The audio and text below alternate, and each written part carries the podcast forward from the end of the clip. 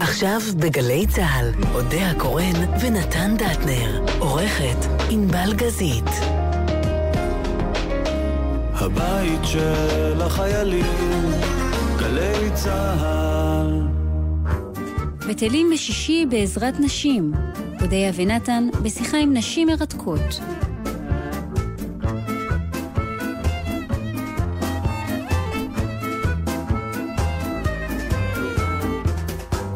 ושוב אנחנו כאן.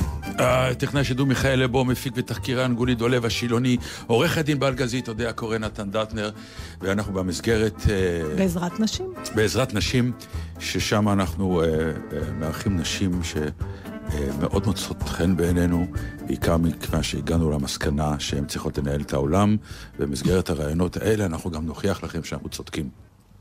נכון. והפעם איתנו קירה רדינסקי. דוקטור בשבילך.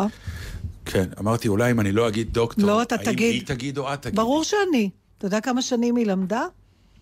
זה חשוב לך להגיד דוקטור? לא. אמ, זה רק עוד כותרת לפני השם. אה, צריך להוכיח במעשים, לא בכותרות. תקרא בבקשה את uh, כרטיס הביקור שלה. לא, אני לא רוצה לקרוא את כרטיס הביקור שלה. כי המילה, הדבר היחידי ש... ש... תקריא, אני לא חושב שמישהו יבין. אז זהו, אני הבנתי רק בזיכרון יעקב. כתוב בסוף מתגוררת בזיכרון יעקב, את זה הבנתי. את יכולה להגדיר באמת, כששואלים אותך, מה המקצוע שלך, מה את אומרת? המקצוע שלי נקרא Data Science, או מדעי הנתונים, ורוב העיסוק שלי זה איך אפשר לקחת את כל מה שהאנושות צברה במאות שנים האחרונות, בעיקר בצורתה הכתובה, לחפש תבניות בצורה אוטומטית, על מנת לצפות אירועים, לזהות תגליות חדשות, לנסות לתרום לעולם במספר תחומים. מתי החלטת שאת נורא רוצה להיות מצטיינת? אז אני לא הייתי מגדירה את זה אפילו אה, מצטיינת, אבל תמיד הייתי סקרנית. אה, תמיד עניין אותי איך העולם עובד ואיך הדברים עובדים. תקשיבי, אני סקרן מאוד. Okay. אוקיי. אבל אני לא מצטיין. כלומר, אני לא, אני לא באזור של לתקן את העולם, אה, אה, לא בגלל שאני לא רוצה, אני חושב שאני לא יכול, אז הדבר היחיד שאני יכול, יחד עם אה, חברתי יודע... איך קוראים לה? עם חברתי יודע, לא, לא, אני עדיין זוכר, את שם משפחה ברח לי, אבל זה לנסות לענג את העולם ביכולת הכישרונות שיש לנו אה, לאסוף קהל קצת ולענג אותו, אבל... אני, אני, אני יכולה להידחף לך רגע, נתן. אני לא בטוחה... כאילו שאת לא עושה את זה תמיד. בדיוק, סתם, זה היה ממש כן. שאלה רטורית. אני לא בטוחה שהנקודת מוצא שלנו היא לענג את העולם. אנחנו קודם כל רוצים לעשות משהו בשביל עצמנו, בעוד שנדמה לי שאולי נקודת המוצא שלך, קירה, היא כן... להיטיב, את גם אומרת את זה, וזה אפילו חתימה שלך, נדמה לי, במייל שלך, נכון? את יכולה להגיד מה היא? זה אה, שנה את העולם. ו... וזה ד... תחושה שאת זוכרת בתור ילדה? אומרת... זה תזכורת עצמית. אני טוענת שאם אני אחתום ככה בכל מייל, אולי באיזושהי נקודה אני לא אשכח את זה. אז זאת אומרת שאת עוברת את השלב של, את אומרת, אני סקרנית, כי סקרנות היא דבר אה, אה, אגוצנטרי קצת. אתה סקרן, אתה יוצא, אתה לומד על משהו, ואז אתה נרגע, כי מילאת את הסקרנות. אבל את לוקחת את זה עוד צעד. את רוצה, אחרי שגילית מה שסקרן אותך, כבר לעשות איתו משהו שישנה חיים של אנשים אחרים. וזה כבר קצת אלטרואיזם. אני חושבת שהרבה מהדברים ש... אני עושה, אני חושבת שסתם לשחק במשחקים, בין אם זה אקדמית או אפילו מבחינה יזמית, אין בהם משמעות אם הם לא השאירו איזשהו חותם על העולם. בסופו של דבר אנחנו אנשים שלא חיים הרבה זמן. ויש מעט מאוד אה, אנשים שלקחו על עצמם את המשימה mm-hmm. של לשנות את האנושות קצת. ואם כל אחד מאיתנו יעשה את זה, בסופו של דבר אנחנו נגיע לתגליות המסיביות ולקפיצ... ולקפיצות הדרך הבאות. איזה ולה... מחיר זה? באיזה מחיר זה, הרצון הזה? יש לזה מחיר? אמ, אישי, משפחתי? אה, זה עניין של uh, החלטה יותר. אני לא מרגישה שיש לי מחיר, אני חושבת שזה החזון העצמי שלי, זה ההגשמה העצמית שלי. אז uh, ככל שאני יותר uh, הולכת לכיוון הזה, אני מרגישה שאני עושה משהו, שכל יום הוא יותר טוב מהיום הקודם. כמובן, לא כל יום uh, מצליח בדיוק כמו שאנחנו uh, רוצים, אבל אני כן מאוד מאמינה בלשלב, אבל... העניין של העדיפויות, בסוף כל אדם קובע לעצמו. ואם זה היה בחינם, גם היית עושה את זה? הרבה מהדברים שאני עושה הם בחינם. באמת? למשל, מה שהיא עושה פה, נתן, ברגעים אלו. טוב, זה גם אני עושה בחינם, אז זה לא, לא כך משנה, אבל לא, כי בשדה שלך, דאטה סיינס, אה, יש מקורות שאפשר להרוויח אה, המון כסף. אז אני חושבת שזה הוגן מבחינתי להגיד שכן, אני עושה את כל האלטרואיזם הזה בחינם. אה, כן הייתה לי הצלחה כלכלית, והיא ב, בין היתר מה שמאפשר לי לעשות הרבה דברים שאני חושבת שהם עם סיכון מאוד גבוה, שהם באמת יכולים להביא את העולם צעד אחד קדימה. אני גם לא חושבת שיש סתירה בין לעשות uh, דברים בתשלום ובין uh, לעשות דברים טובים, טובים לעולם. הרבה מהחברות המאוד מצליחות, הן צריכות את הכסף כדי לגדול. מה הקשר בין לחבר אה, מידע להיטיב עם האנושות? הרבה מהעבודות שעשיתי בעבר הם ניסיונות לקחת את כל התבניות של האירועים שקרו ולנסות לצפות אירוע בעקבות התבנית הזאת. לדוגמה, אחת התגליות היותר גדולות אה, שעשינו הייתה הצלחה לצפות את התפרצות החולרה הראשונה בקובה מזה 130 שנה. המערכת שלנו מצאה תבנית שאומרת שאם יש בצורת, mm-hmm. ושנתיים לאחר מכן יש סופות באותם אזורים, ההסתברות לחולר היא משמעותית יותר גבוהה. כמובן זה לא בכל האזורים, זה עם מאפיינים מאוד מסוימים, ובעזרת זה הצלחנו לצפות את ההתפרצות עוד לפני שהיא קרתה. הפעלנו את המערכת גם בתחומים אחרים, הצלחנו ממש לצפות את המהומות בסודאן.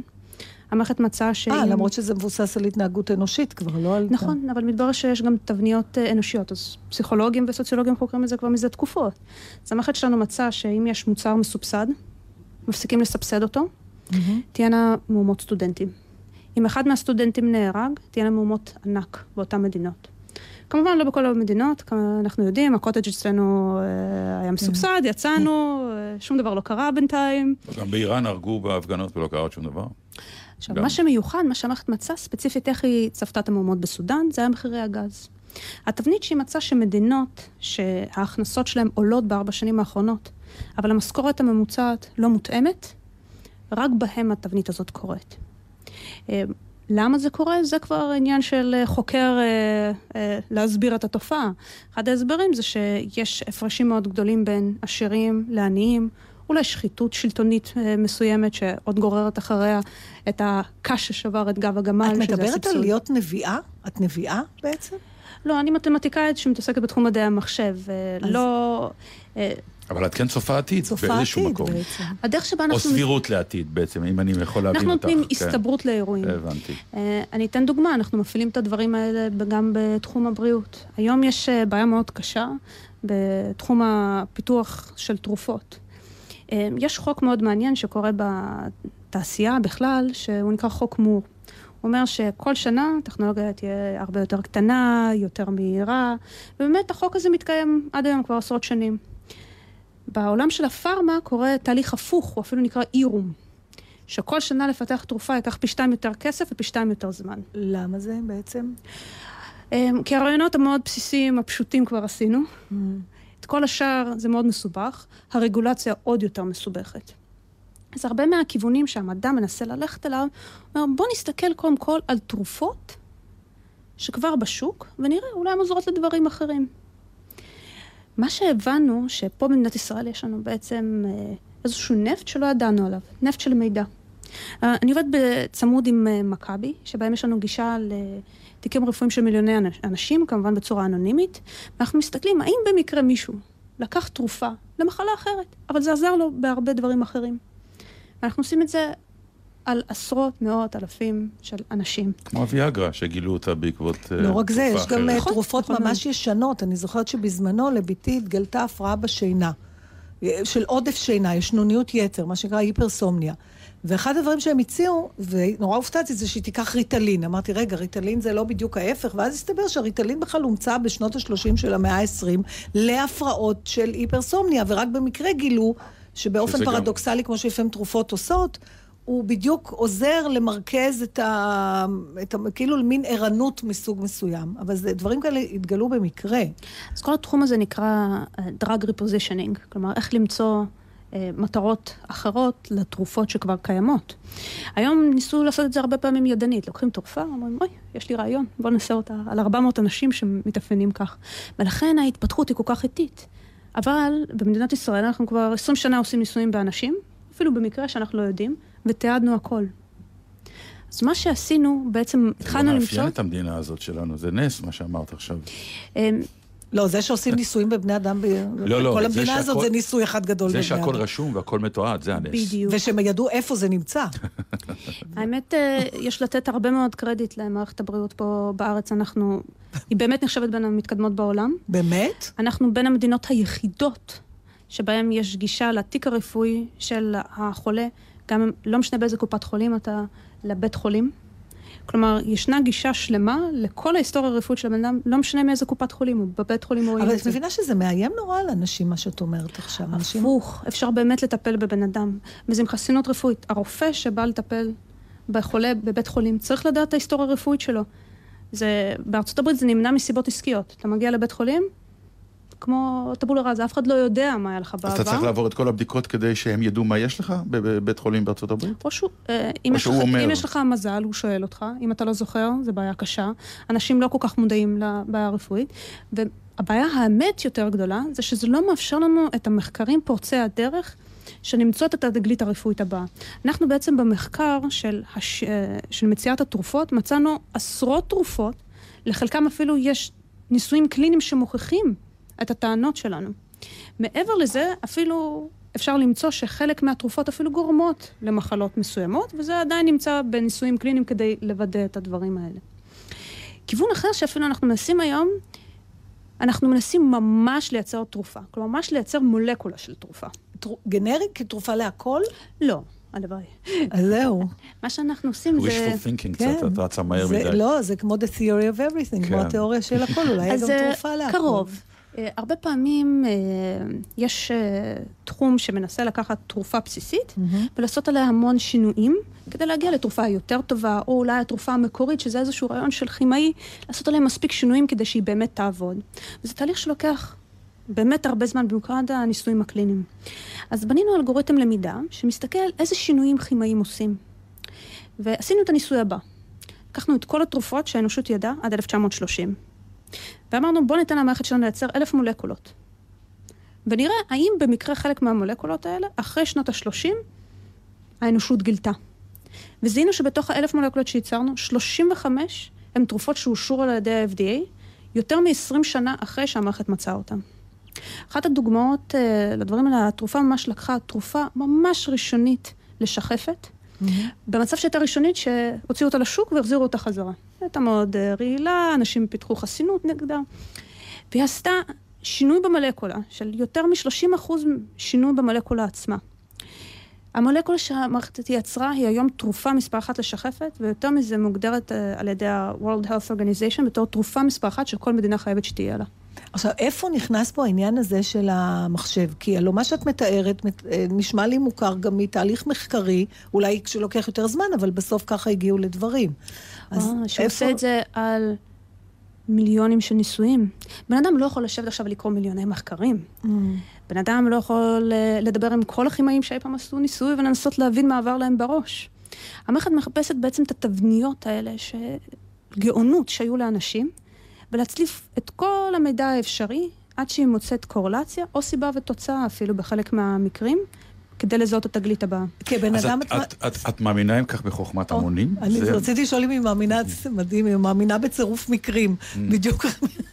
אני לא יודעת אם זה זה- זה לא זה טוב. דבר והיפוכו כן. ממש. כן. אבל כאילו בעצם אה, חוכמת ההמונים נכנסת לתוך המחשב אצלך בעצם. זה חוכמת המון המון המון המון המונים. אז גם וגם. אז uh, היום אנחנו, בהרבה מהמחקרים שלנו, אנחנו מסתמכים ממש על ויקיפדיה, שנכתבה על ידי חוכמת ההמונים, כדי לנסות לעשות הכללות של המידע שאנחנו מוצאים. מבחינתי, אה, אחת מהתגליות שמצאנו זה אם יש uh, בצורת, שנתיים לאחר מכן יש סופות, ואחרי הסופות האלה הסתברות מאוד גבוהה לכולרה. אבל זה לא קורה בהרבה מדינות. זה בעיקר קורה באנגולה, בנגלדש. אז אני אשאל אתכם, מה משותף לאנגולה ובנגלדש? דבר ראשון שעולה לכם בראש, מדינות עולם שלישי. נכון. איך מחשב אמור לדעת את זה? איך באמת? אם אתה נותן למחשב גישה לכל הידע האנושי, כמו לדוגמה אנציקלופדיות ומאות data sets נוספים, המערכת מצליחה לעשות הכללות כאלה.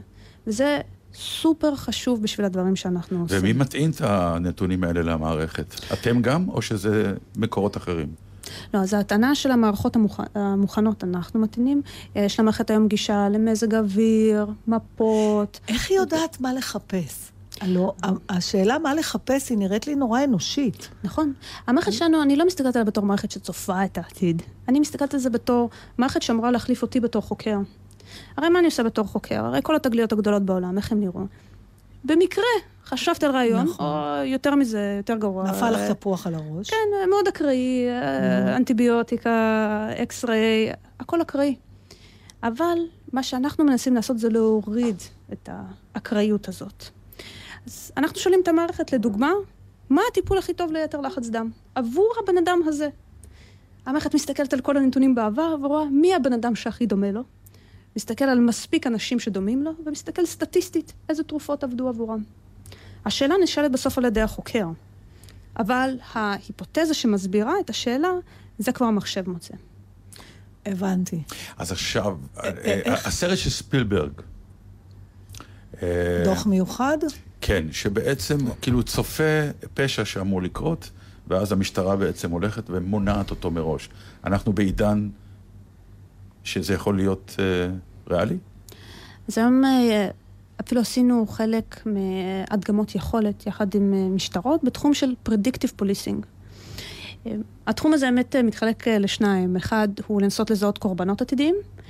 הבעיה לדעתי שלא ברור מה עושים אחרי שאתה מזהה את הקורבן. אתה מנסה לשכנע אותו שהוא יברח, פשוט יש, תברח. יש מחזה אבסורד של יונסקו, שנקרא הזמרת בעלת הקרחת. כן. ויש שם קטע שאני נורא אוהבת, כי באיזשהו אופן נראה לי שזה סאטירה בעצם על מה שאת אומרת, ועל זה שאולי... מה זה אומר אם אתה תמיד רואה את אותה תוצאה, האם זה תמיד בהכרח ייתן לנו שהם יושבים בארוחת ערב ודופקים בדלת. אז ניגש אה, אחד מה... זה, פותח את הדלת, חוזר, אומר, אין שם אף אחד. אחרי כמה דקות שוב נשמע דפיקה בדלת, ושוב הוא קם, ושוב הוא חוזר ואומר, אין שם אף אחד.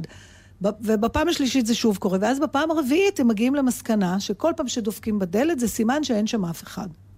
עכשיו, ההיקש הוא מאוד הגיוני, מה שאנחנו מבינים שזה לא יכול להיות. אז, אם, אז על אחת כמה וכמה, איך אני יכולה לסמוך על מחשב היא, שהתבנית שלו אכן יכולה לתת לי השערה, אני מבינה על אירועי טבע ודברים כאלה, אבל על הטבע האנושי או על התנהגות של פציינטים מסוימים. ב... מעולה, זו שאלה מדהימה. לכן, אה, הייתה בעיה מאוד קשה בכמה עשרות שנים האחרונות בתחום של בינה מלאכותית, שבינה מלאכותית קופסה שחורה. היא נותנת לך הסתברות, לא מסבירה למה. תסתדרי לבד. וזה אחת מהבעיות שבסוף מונעות מהמערכות האלה להיות משמעותיות בחיינו. והרבה מהעבודה של השנים האחרונות היא לגרום להן להיות ברורות וממש להראות את התבנית. אני אתן דוגמה, אם מדברים על אה, משטרה, בסוף מה שהתחום של המשטרה הולך עליו זה לנסות לזהות אזורים בהם יש הסתברות לפשע. למה? כי הם מאמינים שאם הם ישימו שם ניידת, יש שם הרבה מחקרים שמראים שזה מוריד את הפשע באותם אזורים. השאלה האמיתית היא איפה לשים את הניידות, הרי יש מספר ניידות סופי. עכשיו, כמובן שהם לא צריכים את העזרה שלנו איפה שיש הרבה פשע, כולנו יודעים, איפה שיש מעט פשע, כולנו יודעים, לא צריך מערכת מאוד מתוחכמת. הבעיה שכל מה שבאמצע, זה משהו שהמערכת בינה מלאכותית הראתה שהיא עושה ממש טוב. Mm. אחת הדוגמאות אה, היא מהוכחת יכולת שעשינו על מידע ממשטרת אה, שיקגו. הסתכלנו על אה, מידע שכולל גם מה אנשים כותבים בטוויטר, המידע הדמוגרפי על האנשים, ראינו אפילו כמה הכנסה יש להם, דיווחים לעירייה על כל מיני מפגעים. והמערכת התחילה להוציא עשרות אלפי תבניות, וכל תבנית המשטרה יכולה להסתכל ולראות האם היא הגיונית לה, אפילו האם היא בסדר מבחינה רגולטורית להשתמש בה. ואחת התבניות הייתה התבנית הבאה. אם זה אזור שבו אנשים מתלוננים או בטוויטר או לעירייה, שיש מכוניות נטושות. וגם לא חם מדי ולא קר מדי, אבל קר של שיקגו. כן. מתברר שאנשים לא אוהבים לעשות פשע כשממש קר. וזה השעות המתאימות. מלחמות פורצות בקיץ. לא קורות כן. בחורף. כן. אה, לא קיץ ישראלי. לא, לא, זה תשאלי שם בעזה, זה בדרך כלל, כשחם מאוד, הם פורצים במלחמה, כן. אז מתברר שהשילוב של שני הדברים האלה והשעה ביום, בזמנים האלה יש פי 3.7 יותר מהממוצע הפשעים. ואחרי הניסוי שהם באמת אה, עשו, אפשר להראות שאפשר להוריד ב-12% את הפשע, רק אם נסתכל על האלף תבניות הראשונות שהמערכת מוציאה. עכשיו, לשאלתך, את אומרת, כן, אבל זו התנהגות אנושית, אבל כבר עשרות שנים, אם מסתכלים על חברות אה, ביטוח, או נכון. בנקים, בואו נחשוב איך הם נותנים הלוואה. הרי בסופו של דבר הם בונים מודלים שמסתכלים על פרמטרים של הבן אדם, כמה הכנסה יש לו. זה סטטיסטיקה נכון. בסוף. לא? סך הכל, זה כל מה שאנחנו גם עושים, רק עכשיו על המון מידע. על טקסט, על תמונות, על מידע שהוא אה, זמני ונמשך כבר מאוד שנים. באיזה תחומים לא היית פונה למערכת שלך? נגיד באהבה, היית משתמשת בה? זה אפילו לא... אני, יש אתרי שידוכים שמנסים נכון, מה את חושבת על זה? אני לא מכירה כל כך את המספרי הצלחה. אז תתחמקי בבקשה. אני בסופו של דבר מתעסקת בדברים מדעיים. אני אוהבת לראות בסוף תוצאות. אם הם מראים שב-90% מהפעמים הם באמת מצליחים למצוא שידוך טוב, אז זה עובד. הם הוכיחו. במיוחד אם צריך כמובן להשוות מול משהו אקראי, שפשוט הם לוקחים שני אנשים אקראיים ולראות איך זה היה עובד. אבל נגיד לא אהבה, כי אהבה זה באמת עמוק מדי, אבל סקס אפיל. זה באמת, יש מחקרים שכבר uh, מנסים לצפות, ואומרים מה הסיכוי שאנשים... Uh, דרך אגב... ימשכו, כאילו? כן, uh, זה לא ממש התחום התמחות שלי, אבל uh, מה שזכור לי זה יותר קשור לריח שמתאים. ריח. כן. דברים כמו מזל, כמו אמונה, כמו דברים כאלה בחיים שלך כאדם. לא, הם נוכחים, זאת אומרת, האם את... יכולה להגיד משפטים כמו שאני אומרת לפעמים, טוב, אין מה לעשות, זה משמיים, או שיט happens, סליחה, או צריך מזל בחיים, זה לא מספיק שתהיה מוכשר, אתה גם צריך להיות, שיהיה לך מזל. כלומר, זה מין דברים שהם לא מדידים, או לפחות עד היום התרגלנו לחשוב שהם לא מדידים. זה קשור יותר למדד של אקראיות. לדעתי, הרבה פעמים באקראיות זה נובע מהעובדה שאין לנו מידע. הרבה פעמים אנחנו, זה נראה אקראי, אבל זה לא. יש תהל... הרבה פעמים אפילו בתהליכים טבעיים, ביולוגיים, זה נראה, אוי, זה במקרה קרה. אבל אחרי שחוקרים את התופעה מאוד לעומק, ומבינים ממש את התהליך בגוף שקרה, זה ייאוש. לא, לא, אני לא יודעת אם זה... אנחנו עכשיו נמצאים במצב זה אומר שאין... מודיע לנו ששום דבר כבר לא נתון לא לחסדי עולם. לא, אני אגיד לך למה זה מפחיד. אנשים כמוני וכמו נתן, כי זה מרמז על האפשרות שאנחנו אחראים באיזשהו אופן למה שקורה לנו. ואנחנו להכל, כפולנים גאים כן. רוצים לחשוב שהקוסמוס יתאכזר אלינו, ואנחנו לא אחראים. בחלק מהזמן. בדיוק. אז לא להכל יש תבניות, ולא להכל יש לנו מספיק מידע כדי בכלל למצוא את התבנית. אבל uh, סך הכל הרבה מאוד מהתהליכים הם דטרמיניסטיים. אני לא מדברת, יש אפילו תהליכים שאפשר להוכיח שהם uh, אקראיים בהרבה uh, מדדים, uh, אבל הרבה מההתנהגות האנושית היא די דטרמיניסטית וחוזרת על עצמה. אבל ישנה סכנה מאוד גדולה, ואחר כך אנחנו נשים שיר. אה, ישנה סכנה, ככה אני מריח, שבאיזשהו שלב, כרגע אנחנו נורא רוצים לעזור לעולם, אבל בסוויץ' קטן המידע הזה יכול להיות ליפול לידיים שרק ינסו להשתמש בו כדי לחרב אותו. אז אפשר להגיד אותו דבר כמעט על כל דבר במדע, פיצוח הגרעין. אפשר לעשות אותו אנרגיה נקייה, או שאפשר לעשות קצת אטום. אומרים, סכין היא סכין, השאלה אם אתה חותך איתה לחם או הורג בן אדם. זאת אומרת, הדבר עצמו הוא אובייקטיבי. אני חושבת שתפקיד המדען בסוף אה, לייצר את הטכנולוגיה. אחרי שמגיעה הטכנולוגיה, כבר צריך לדבר על ההשלכות החברתיות שלה, צריך לדבר על הרגולציה, על אותם... אה, את לא מתעסקת בדברים האלה? אז אני לא מתעסקת ברגולציה. אמ, כיום אני כן יושבת בוועדה באו"ם שאמורה לתת המלצות לחוקים בתחום של ביג mm. דאטה ואיך אפשר לעשות אה, שיתוף פעולה יותר טוב במדינות, אה, בתחום השיתוף של המידע, בניית מודלים שמנסים לצפות אירועים בין מדינות. ואיך מגיעים לתשתיות אה, שוות לכל המדינות בתחומים האלה. שיר, מה, מה את רוצה שנשמיע? שיר ראשון. שום דבר לא מהדור שלנו. באמת? שום דבר, נתן. אז uh, הייתי שמחה לשמוע את uh, קריפ של סקאלה.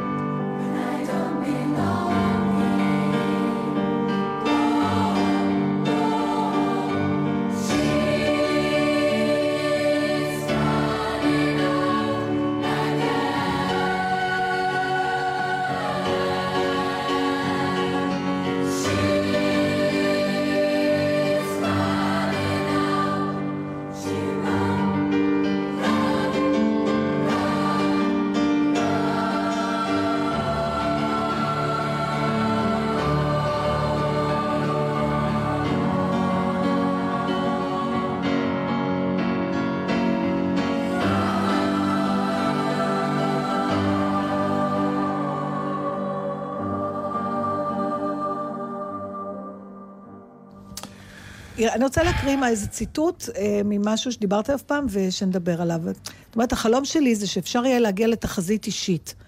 brain matching uh, inter, interface, שהולך איתך, וכמו GPS אומר לך, כדאי לך ללכת לאכול עכשיו במסעדה הזאת והזאת, כי האדם הזה נמצא שם עכשיו ויהיה לך מפגש מעניין. ואת אומרת, תחשבו איך אפשר להכניס את המידע לתוך החיים האישיים שלך, שכל הדברים שאת עושה יתבססו על מידע. אפשר גם להוסיף אקראיות לאלגוריתם, שזה, כמו שאמרנו, נראה לי דבר והיפוכו. אבל השאלה שלי אלייך, אם יהיה לי מין... אה, מין, מין, אני לא יודעת אפילו איך לקרוא לזה, מין uh, GPS כזה, שאומר לי, עכשיו כדאי לך ללכת לפה ופה, כי הוא ניתח את כל הנתונים, הוא הגיע למסקנה, בתבנית שלו, שאכן האדם שיהיה במסעדה הזאת יהיה לי מעניין, אבל באותו זמן, האם לא הפסדתי אדם אחר שבמקרה ישבתי כבר לידו, ואולי הוא היה לי יותר טוב אפילו. זאת אומרת, ההכוונה הזאת לא סוגרת אפשרויות? כמו שאלה מצוינת. אה, אני אפילו אשאל משהו אחר. את משתמשת בווייז היום כשאת נוסעת? כן. ואולי יש מסלול אחר שהיית נוסעת. והמסלול הזה... אז בוא אני אגיד לך, חלק לא מהכיף באמת. הכי גדול שלי, כן. זה המון פעמים אה, להתעמת עם הווייז, וכשאני מנצח אותו, שמחה גדולה באוטו. טוב, זה כבר קשור לאופי התחרותי האידיוטי שלך. לא, לא, מה כי יש לך להתווכח לא. עם הווייז? כי אפשר. אין לו. דעה. לא, יש לו. זהו בדיוק, יש לו דעה, הוא נותן שלושה מסלולים, אתה תבחור את הדעה שלו. בקיצור, לווייז יש דעה מאוד מוגבלת, אבל אני אני כבר למדתי שלפעמים לא תמיד הדעה שלו היא אז נחרצת. בדיוק בשביל אנשים כמוך, יש לי רעיון לסטארט-אפ, קירה, ואני מבקש ממך לבדוק את זה. אני בדעה של ישראלים. בחוץ לא צריך, אבל ישראלים, בגלל, כמו נתן, תמיד חושבים שהם יודעים יותר טוב ממנו, כי הם לא עשו פה תמיד. מילואים והוא לא. אז אתה מתווכח עם הווייז ואתה עושה מה שאתה רוצה. אז אני חושבת שצריך לתכנן ווייז שידבר לך כמו אימא שלך. אז את ו- יכולה לבחור קולות. לא קולות, גישה. למשל, אם אני נוסעת אחרת ממה שהוא אמר, ואז הוא אומר פתאום, תיסעי איך שאת רוצה, אני את שלי אמרתי, אני חושבת שזה יותר משפיע מאשר אה, הדברים האובייקטיביים. דרך אגב, היו לי חברים שנסעו בירושלים, חיפשו איזשהו מקום, ופתאום הבינו שהם סביב דוברי ערבית בלבד.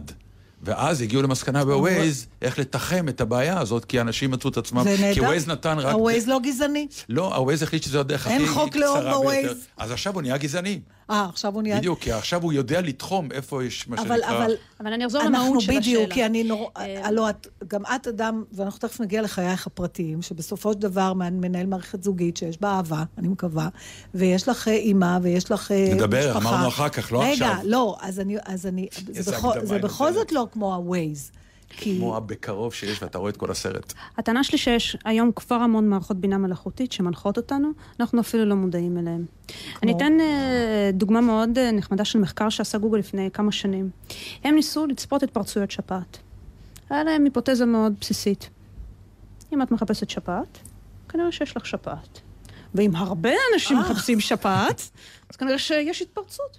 אבל הם הראו מחקר מאוד נחמד, שמראים ששבועיים לפני שמערכת הבריאות בכלל מבינה שיש איזושהי התפרצות, הם יודעים לפניה. אה, מאמר מאוד גדול בנייצ'ר. עד שיום אחד, כפי שהתפרסמה הכתבה, גוגל got flu wrong. גוגל לא יודעת לצפות שפעת. יום אחד אנשים מתחילים לחפש שפעת, למרות שאין להם שפעת. מה קרה? מה קרה באמת? שפעת החזירים. אנשים התחילו לחפש שפעת החזירים לא כי יש להם, אלא כי הם אולי חשבו, אולי התעניינו. וזה הרבה מאוד uh, מהבעיה שיש לנו באלגוריתמים. אלגוריתם אחד, כשהם לא מסבירים את עצמם, קשה לנו לצפות. והבעיה האמיתית, ההנחה כאן זה שההתפלגות שהייתה בעבר, היא מה שיש עכשיו. וקשה לצפות אירועים שהיא לא ראתה בעבר. אז זו צריכה להיות תבנית ממש מוכחת. אחת הדוגמאות uh, של uh, אנשים שניסו לכוון כוחות הצלה, הם טענו את הטענה הבאה. הם ראו בעבר שהרבה אנשים מבקשים שיבואו להציל אותם בטוויטר. והם ראו שבאמת, איפה שכותבים הרבה בטוויטר, תצילו אותנו, באמת צריך שם עזרה. ובהורקן קטרינה התחילו להכווין את כוחות ההצלה. רק בהורקן קטרינה התברר שאנשים שבאמת צריכים עזרה, לא כותבים בטוויטר. כי אין אז חשמל. פרדוקס. פשוט אין חשמל, ברור. כן. אבל עוד פעם, זו הדוגמה האמיתית איפה שהרבה מאוד מהאלגוריתמים של בינה מלאכותית נכשלים. יש הנחה מאוד מאוד מאוד מאוד בסיסית, סטטיסטית כאן, שההתפלגות בעבר היא ההתפלגות שיש משהו עכשיו בהווה. אבל זה גם באיזשהו מקום מתערב בסדר אה, קוסמי. לא במובן הרוחני, אלא בו, למשל, דוגמה, אני זוכרת שכשטיילתי בארצות הברית, בפארקים הגדולים, סיפרו לנו שלפעמים יש שם שריפות ענק. אבל השריפות האלה באיזשהו מקום חיוניות ליער עצמו. כי מה שקורה בשריפות, האצטרובלים של האורנים מותחים ונפתחים. אז הצ, הצנוברים, הזרעונים שלהם נופלים לאדמה, והם אלה שאחר כך מתוכם צומחים עצי האורן החדשים. עכשיו אני אומרת, נגיד, אני חושבת על סיפור כזה, שהמערכת הייתה מזהה מראש, אני מניחה שכל הרעיון של הניבוי מראש זה למנוע אסונות, נכון? לתפוס את זה לפני שזה קורה. אז אתה עוצר את השריפה בכל מיני דרכים, אבל אז היער אולי לא יהיה לו חידוש. אז איך, איך מתנהלים עם הדבר הזה? זה בעיה מאוד קשה אה, מראש. אה, יותר מזה, אם המערכת מוציאה תבניות, אנחנו מתחילים לעבוד רק לפי התבניות של המערכת. אה. כמו בדוגמה עם ההוריקן קטרינה. צריך לזכור, זו מערכות שלא צופות את העתיד, הן נותנות לנו היפותזות, שאנחנו בתור חוקרים צריכים להבין את כל ההשלכות שלהן. אז זה כלי עזר למחקר, זה לא בא במקום, זה מה שאת אומרת. כפי שאמרתי, אני מחפשת רק מערכת שתחליף אותי ותעשה את המחקר במקומי. אבל לא את המסקנות ולא את התוצאות. לא, היא נותנת לי רעיונות למחקרים, שמבוססים סטטיסטית, על מנת לזרז את כל תהליך הגילוי המדעי. זאת אומרת, היא מוציאה את החלק המשעמם מלהיות חוקר? אה, היא מוציאה את האקראיות מלהיות חוקר. דרך אגב, אנחנו, מי זה אנחנו? אז אה, יש לי הרבה מאוד אה, חוקרים ודוקטורנטים ומסטרנטים שאני מנחה היום בטכניון. תחת איזה גוף? בטכניון? כן, אני בפקולטה למדעי המחשב, ואני מנחה סטודנטים לתארים גבוהים. ואת בוגרת טכניון. נכון. ותמיד רצית להיות בטכניון? נכון. ואבא ואימא, מה אמרו על זה? אז, אז אני התחלתי בטכניון כשהייתי בת 15 אה, במקביל לתיכון. אה, הייתי ב... היו פעם תוכניות אה, מדהימות שנקראו כיתה טכניונית, שאפשרו לסיים את הבגרות במתמטיקה מוקדם, וללכת ולקחת קורסים. ואני זוכרת שבתור ילדה זו הייתה לא חוויה קלה. אחד, מזלי שלפעמים התבלבלו וחשבו שאני עתודאית. Mm. אבל היה קל לזהות אה, שאני מהדור היותר צעיר. אבל התחושת הבדידות בללמוד לבד, לדעתי גם מאוד בנתה אותי. רוב האנשים מגיעים אחרי צבא, והם מגיעים בגישה מאוד אחרת, ונוצרות חברויות. כשאתה מגיע לבד, זוכרת שבאחד מהקורסים שלקחתי, אה, מי שהיה מגיש יותר אה, שיעורי בית, והשיעורי בית היו מאוד קשים, היה צריך להוכיח הוכחות של מתמטיקה מ-1800. אה, הוא אמר, בגלל שאני יודע שהרבה מכם לא הצליחו, אז מי שהצליח כמה שיותר יקבל את הציון הכי גבוה, ומי שיגיש כמה פחות יקבל את הציון הכי נמוך. הוא לא אמר שכל הציונים מתפלגים בין 90 ל-100. אה. אבל זה בדיעבד. ואני זוכרת שכמה שיעורי בית הראשונים הצלחתי לפתור לבד, והיה שיעורי בית מסוימים שהיה לי מאוד קשה. ובאתי ושאלתי את אחד מהאנשים מהקורס, אה, איך אפשר לגשת לזה, והוא אמר לי, תראי, הייתי בשמחה אומר לך, אבל אז אני אקבל ציון יותר נמוך. אה, כי זה יחסי. בדיוק. ופה הבנתי שהאמת, זה הכל עליי. הבנתי שאין לי שום ברירה, זה לא מישהו שיבוא ויעזור לי עכשיו ויפתור את זה. וזו הייתה הבנה כזאת קצת של ייאוש, של אני, אני לבד בעולם, מהבחינה הזאת, אני לא יכולה לסמוך על אף אחד? להפך, זה נתן לי את המוטיבציה לפתור את זה ופתרתי את זה גם בסוף לבד. אז החיים החברתיים שלך היו קשים כשהייתי ילדה? לא, היו לי הרבה מאוד אה, חברים מהבית ספר בני גילי. אה, בטכניון, כשאתה בהפרש גילאים מאוד גדול אה, מכולם, ולאו דווקא עם אותם תחומי עניין, זה כן יוצר איזשהו ניכור. אני חושבת שמה שזה לימד אותי זה שאני יכולה לפתור דברים לבד. זה, אני לא צריכה מישהו שיעזור לפתור, וזו הבנה שלומדים אותה. אבל הברירת מחדל שלך זה בהתחלה כן לחפש מישהו שיהיה... אני חושבת שמתרגלים הרבה פעמים, גם בבית ספר, בגלל עבירה חברתית, זה... אני אשאל, אני לא אתאמץ. באמת הדברים באים יחסית יותר בקלות. ואם לא, אז יש את מי לשאול, יש את מי נכון. להתייעץ. אז תמליצי לילדה שלך ללכת בדרכך? אני צריכה עוד להבין מה האופי שלך. אני לא חושבת שלתת uh, עצות. מה שעובד uh, לי לא עובד uh, לאחרים, ואולי הייתי מגיעה להבנה הזאת uh, הרבה זמן uh, uh, לאחר מכן. אני חושבת שאחת מה... גם מהשירות הצבאי שלי, uh, הגענו לקורס שבו כולם היו טובים. באמת, בחרו את הכי טובים בתחום המחשבים. ואנשים הגיעו עם ממש uh, שנות ניסיון בפיתוח תוכנה בחברות כבר בגיל 18. ולי לא. אני רק את הידע האקדמי שלי מהטכניון. ובאחת מהפעמים הם רצו להראות לנו שאתם לא כאלה חכמים. אז ביום הראשון נתנו לנו מבחן, כולם קיבלו ציונים 20, 30 והכל. ואני מסתכלת על הלוח ציונים, פרסמו תעודות זהות וציונים, מסתכלת איפה אני נמצאת. וממוין לפי הציון, ואני יורדת מלמעלה, למטה, למטה, למטה, למטה, ואני רואה שאני סוגרת את הרשימה מלמטה. אני זוכרת שבאתי ודיברתי אז עם ה... היום הוא בעלי, אז הוא היה בן זוג שלי, ואמרתי לו, תקשיב, זה לא הוגן. זה לא שאני חושבת שיש לי פחות יכולת מהם. אני פשוט מתחילה מנקודת התחלה שונה בחיים. הוא אמר לי משהו, זה יהיה קצת חנוני להגיד את זה, אבל אני נותנת את זה היום עצה לכל מי שעובד אצלי, לכל הסטודנטים שלי. אמר לי, תראי, לכל אחד יש נקודת התחלה שונה בחיים. מה שחשוב זה השיפוע. ואם השיפוע שלך גבוה, זה רק ייקח זמן, ואת תעקפי אותם. ויש לך את היכולת להשפיע גם על השיפוע שלך, כי זה קשור למאמץ וכמה תשקיעי. אני השקעתי את כל הנשמה שלי כדי לגרום ולהשלים את הפער. לא יכולה להגיד שסיימתי top בקורס, אבל בין הראשונים. זה חשוב לסיים top? אז אני אסביר למה לא, מה הבנתי. כשהחליטו מי לוקחים לתפקיד הכי נחשק, לא לקחו את הכי טוב. אמרו, אנחנו רוצים לראיין את החמישה הראשונים. Mm-hmm. ואז אין באמת הבדל בין החמישה הראשונים, הם כאילו באים שווים. ועל סמך מה הם בחרו? לא לפי הציונים, כי הם כולם היו טובים. הם בדקו תכונות אופי אחרות, מנהיגות, איך אתה מתמודד עם משברים, איך אתה יכול להתמודד עם אי-ודאות, שהרבה פעמים קורים אה, בדיוק בסוג התפקיד שעשינו בצבא.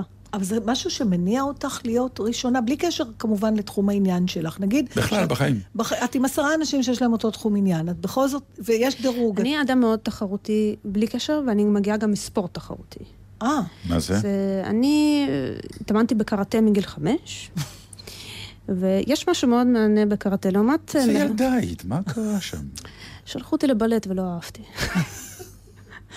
בקראטה אפשר ללכת יחפים. זה תנוע, אותן תנועות, רק מכה ובלי נעליים, כן. אני אסביר מה מכוח מיוחד בקראטה. במחקר ובכלל בהרבה הצלחות שאתה עושה בחיים, לוקח לך זמן כן. להגיע להצלחה. קראטה, קרב זה שתי דקות. כן. שתי דקות או שהוא נופל, אתה אומר הצלחתי, כן. או שאתה נופל. אז המיידיות הזאת... לא, לוקח הרבה זמן עד שאתה מנצח בשתי דקות, אוקיי? ואתה נכשל המון פעמים, אבל זה כן... שיפוע גבוה, כן.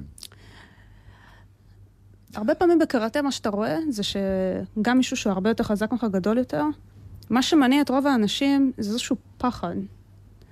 ולפעמים אנשים, יש את השנייה הראשונה, שהוא לא בדיוק מבין מי מולו. וח... וצריך רק נקודה אחת כדי לסיים 1-0. אז יש לך בדיוק את השנייה הראשונה, כשהצד השני עוד מספיק מבולבל ולא מבין מה קורה, לקבל בדיוק את הנקודה הזאת. הבעיה שקורית אחרי זה, הצד השני מתעצבן. ואז אנשים לא חושבים בצורה לוגית, ואז לא משנה כמה הם פוגעים, זה לא נקודות מספיק נקיות כדי לקבל נקודה. זו הייתה הטקטיקה שלי בסופו של דבר. על זה נאמר, והיפני חטף מכות. זהו, אותה פעם. אה, אה, למה הפסקת עם הקראטה? זה הפריע או ש... לא, אז עשיתי קראטה גם, אה, הייתי בנבחרת הטכניון, הצגנו בטכניון, גם בתחרויות לאומיות. אחרי זה בעיקר כשהתחלתי כבר להקים עסקים, וכבר לא הייתי עם הנבחרת, אז... קצת קשה יותר להמשיך, והמשכתי יותר לתחומים שמשמרים את הכושר. אז למה אתם לא יוצרים, נגיד, מחקר איך מייצרים נשים כמוך? אני חושבת שיש הרבה נשים כאלה כבר. לא, אבל לפעמים את יודעת, כמו כל דבר, יש הרבה סופות, אבל אם אנחנו יודעים לצפות אותם, אולי אנחנו גם יודעים לצפות. אני חושבת שיש לי תשובה לשאלה הזאת. מה התשובה? אבל אולי אנחנו נשמע קודם עוד שיר שקירה ביקשה, ואז אני אעלה את האפשרות, ואת תלכי למערכת שתבדוק את התבנית שאני מציעה. נשמע מעולה. אז אני אשמח לשמוע את uh, Mad World של אדם למפרד.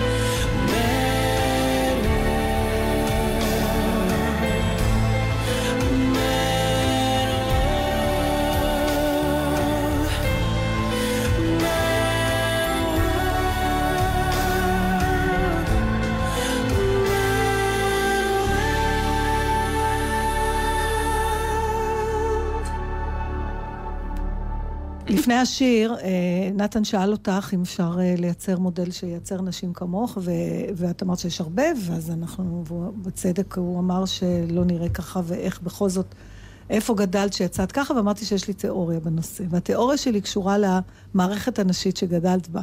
שגדלת בבית עם אימא ודודה וסבתא, נכון? גברים לא התערבו שם ולא קלקלו זה כלום. כנראה הפתרון, בדיוק. היה לנו חתול, אבל סירסנו אותו. איך אומרים? rest my case. לא, זה ממש... תגידי, אה, אני, אה, נגיד, כשהיית ילדה קטנה ואחר כך, אה, הם חשבו שמשהו לא בסדר איתך? נגיד, אם היית כזאת... לא, להפך. לא, להפך, זאת אומרת, תמיד... לא, אימא שלי, גם אמא שלי וגם דודה שלי, הם למדו תארים גבוהים במדעי המחשב. אימא שלי הובילה את כל המשפחה שלנו לארץ. היא הייתה ראש המשפחה.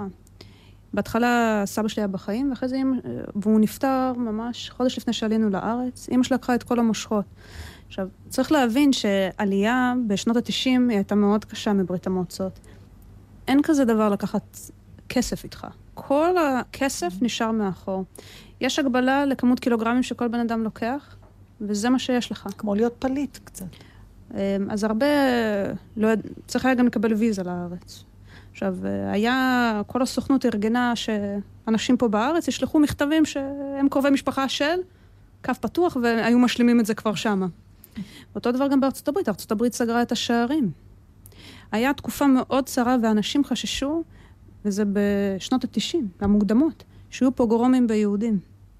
לכן כולם בבת אחת אמרו, אם לא עוזבים עכשיו, מי יודע מה יקרה. על מנת לעזוב צריך להתפטר מהעבודה, כדי בכלל להגיש בקשה לוויזה. יש רק בעיה אחת, בברית המועצות אה, אסור להיות מובטל, זה אפשר לשבת בכלא על כך. נו, זה catch 22 קצת. בדיוק. ולכן, ואתה מחכה חצי שנה, בלי משכורת, וזו מדינה סך הכל קומוניסטית, אנשים מקבלים את אותו סכום, ואתה משלם קנסות על זה שאתה למדת בברית המועצות ורוצה עכשיו לעזוב.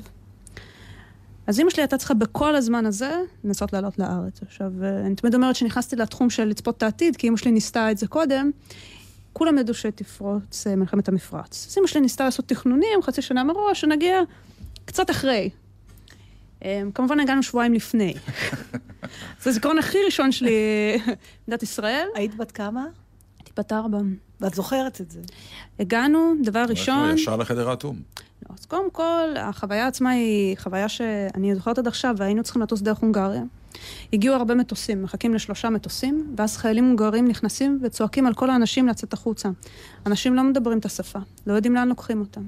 לוקחים אותם באוטובוסים, ל... מהילדות זה נראה לי כמו אולם תיאטרון בלי כיסאות. ואומרים, תחכו. כולם מתחילים להתלחשש, למה מחכים, לאן הולכים, אף אחד לא מסביר, ומחכים יום. אחרי היום מביאים את כולם למטוסים ומגיעים לארץ. בארץ כמובן אנחנו מגיעים בזמן מדהים, שישי אחר הצהריים, אה, ולכן הציוד לא מגיע איתנו. ואז אומרים, אחרי שהאנשים מגיעים, אה, כולם הגיעו לגמר מקייב, היה צריך להגיע למוסקבה, זה נשתה של כמה ימים. ואז אומרים להם בארץ, אנחנו עכשיו צריכים לנסוע כמה ימים לעיר אחרת. היו לכם, נתניה. הייתה לכם משפחה פה, נתניה זה כרך. הייתה לכם משפחה פה? לא, כלום. וואו. רק היה לנו מכתב שיש לנו פה משפחה. הדבר, מה שהתחילו אה, לעשות, אתה מנסה עוד כשמברית המועצות לדעת לאן לנסוע וכולי. יותר מזה, משרד הפנים כמובן היה בשביתה, ואז אתה לא יכול אה, לקבל תעודת זהות, ובלי תעודת זהות אתה לא יכול לקבל מסכת טבח. אז אימא שלי ניהלה את כל הסיפור. אימא שלי הייתה מהנדסת, בארץ היא אמרה, אני הולכת לקורס הסבה הראשון שנפתח, לא אכפת לי מה, אני צריכה לכלכל את המשפחה בגיל 29. באותה מידה יכולתם גם להגיע לארצות הברית, נגיד? הם כולם הגישו ויזות, אה, הרבה הגישו ויזות גם וגם. ואימא שלי ככה הופכת להיות מורה למתמטיקה. אה, המשפחה שלי עבדה בכל העבודות, מניקיון ל babysitting, הכל רק כדי בעצם לשרוד את התקופה הראשונה. אימא שלי מוצאת עבודה, דודה שלי עוד אה, בימי לימודים הולכת ללמוד תואר שני. מישהו יודע עברית? לא, מה פתאום. אה, לומדים באולפן תוך כדי. סבתא גם מגיעה בגיל פנסיה, הולכת מנקה בתים של אנשים אחרים. ואין קיטורים ואין רחמים עצמיים ואין תחושה של... אה, אין זמן. Hmm. אין זמן לזה. אני, יותר יותר מזה. אני אגיד שמעולם לא ידעתי שיש משהו שאני לא יכולה. מישהו פעם שאל אותי, אמר, אוקיי, ואם צריך, מסמר בקיר, אני לא יודעת, אמא שלי עשה את זה, ואם לא, היא שכרה בעל מקצוע, אני...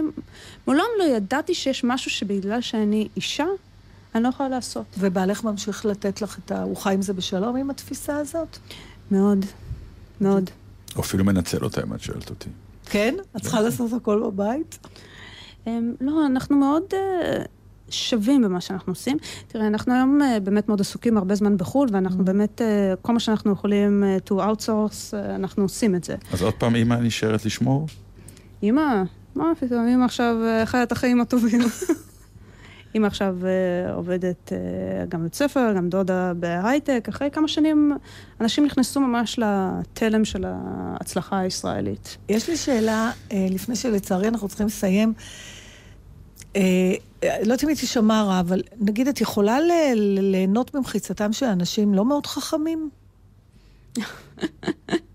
אמ, אני נהנית מאנשים מעניינים תמיד.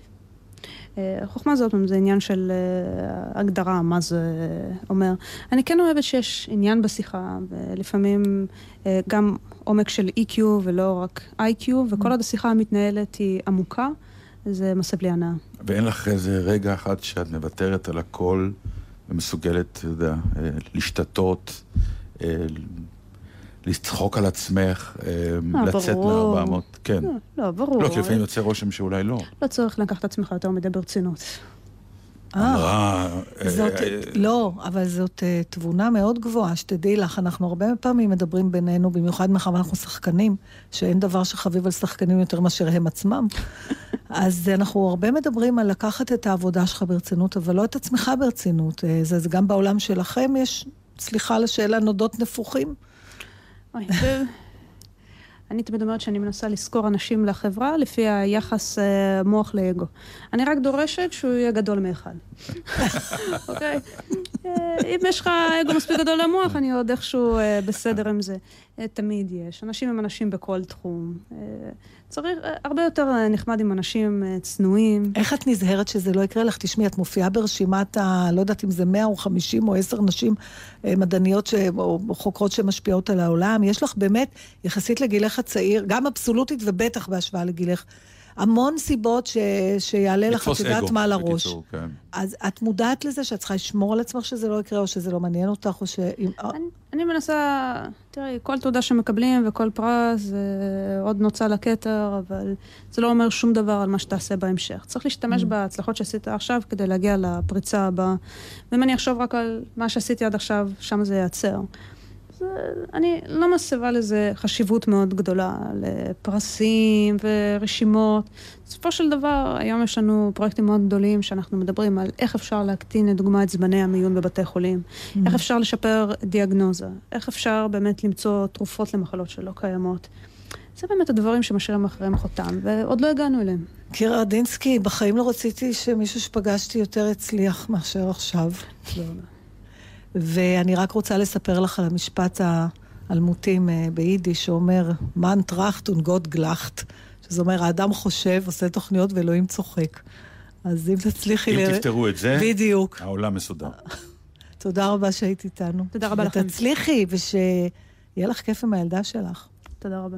אז תודה רבה לכם, תודה רבה למיכאל אבו ולגולי דולב השילוני ולעורכת שלנו ענבל גזית. אה, בשבוע הבא עם שבוע עוד אישה שאני לא אהיה לעולם כמותה. אה, לא, זה קל מאוד להביא נשים כאלה, אין בעיה. שבת שלום. שבת שלום.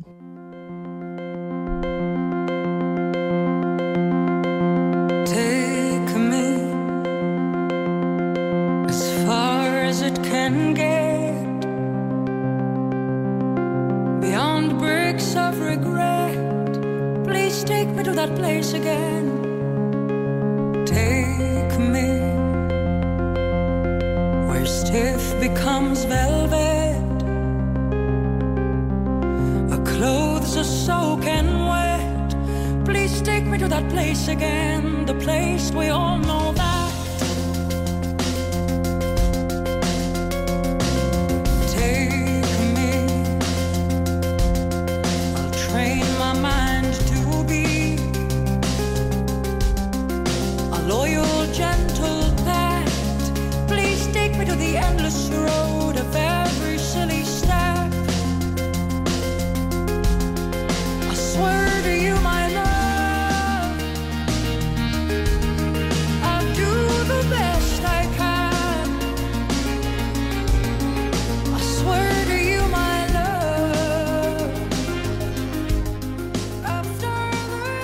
אתם עם גלי צה"ל. הורידו את יישומון גל"צ וגלגלצ. המשפחתיפ, עצות משפחתיות לנסיעה בטוחה. שלום, כאן מיכל ממשפחת לוין, וזה המשפחתיפ שלנו. כשאנחנו מתכננים טיול, אנחנו עושים זאת בבית ומראש. קובעים תחנות להתרעננות בדרך שתהיינה רחוקות מהכביש, דואגים לילדים לתעסוקה כדי שנהיה מרוכזים בנהיגה, ומפעילים ווייז לפני הנסיעה. אגב, זו הזדמנות טובה להוציא את הגזייה מהבוידם. שתהיה גם לכם נסיעה בטוחה. היכנסו לפייסבוק שלנו וספרו לנו על המשפחתיפ שלכם. נלחמים על החיים עם הרלב"ד, הרשות הלאומית לבטיחות בדרכים. אתם העוברים על פניי ואינכם אומרים לי שלום, הרי אינכם קיימים לדידי. לכן כשתחלפו לפניי, אמרו לי שלום, וכל אחד מכם יהיה ידידי. כאן המשורר ארז ביטון. אני מזמין אתכם להצטרף אליי לתוכניתי החדשה בגלי צה"ל. תוכנית שכל כולה רצף של שירה, מוזיקה ונושאי תרבות שתמיד יש בהם מן המחדש ומרגש. הצטרפו אליי לתוכנית החדשה. המשורר ארז ביטון מגיע לגלי צה"ל. מחר, שתיים בצהריים, גלי צה"ל.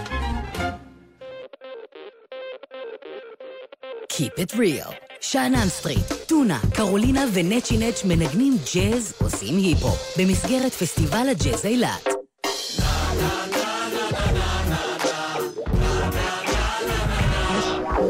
שני, רבע לעשר בלילה, בניופורט ארנה, ובשידור חי, בגלי צה"ל.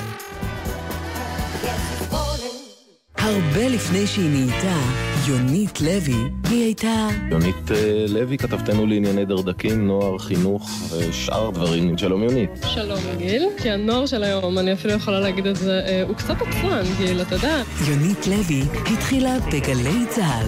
גם אתם יכולים. המיונים של גלי צה"ל וגלגלצ פתוחים לכולם. אתם מוזמנים לנסות להתקבל. פרטים והרשמה באתר מתגייסים. ההרשמה פתוחה למתגייסים מיולי 19 עד אפריל 20, ושאינם מיועדים ללחימה. מיד אחרי החדשות.